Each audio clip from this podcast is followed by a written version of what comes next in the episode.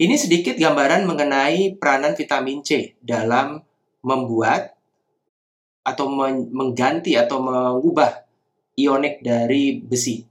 Jadi asam askorbat ya akan berubah menjadi dehydro, dehydroascorbic acid lalu akan bereaksi dengan molekul besi ya yang membuat membuat muatan 3+. Ion dari proses ini akan berdampak pada pembentukan Fe2+ dari Fe3+. Jadi eh, yang membuat vitamin C ini bermanfaat dalam penyerapan besi karena Fe ini akan diubah menjadi dehydroascorbic acid lalu akan melepaskan dua uh, molekul ionik ya elektron ini yang kemudian elektron ini akan berikatan dengan Fe3+ lalu akan membentuk Fe2+ yang lebih soluble yang bisa diserap oleh usus.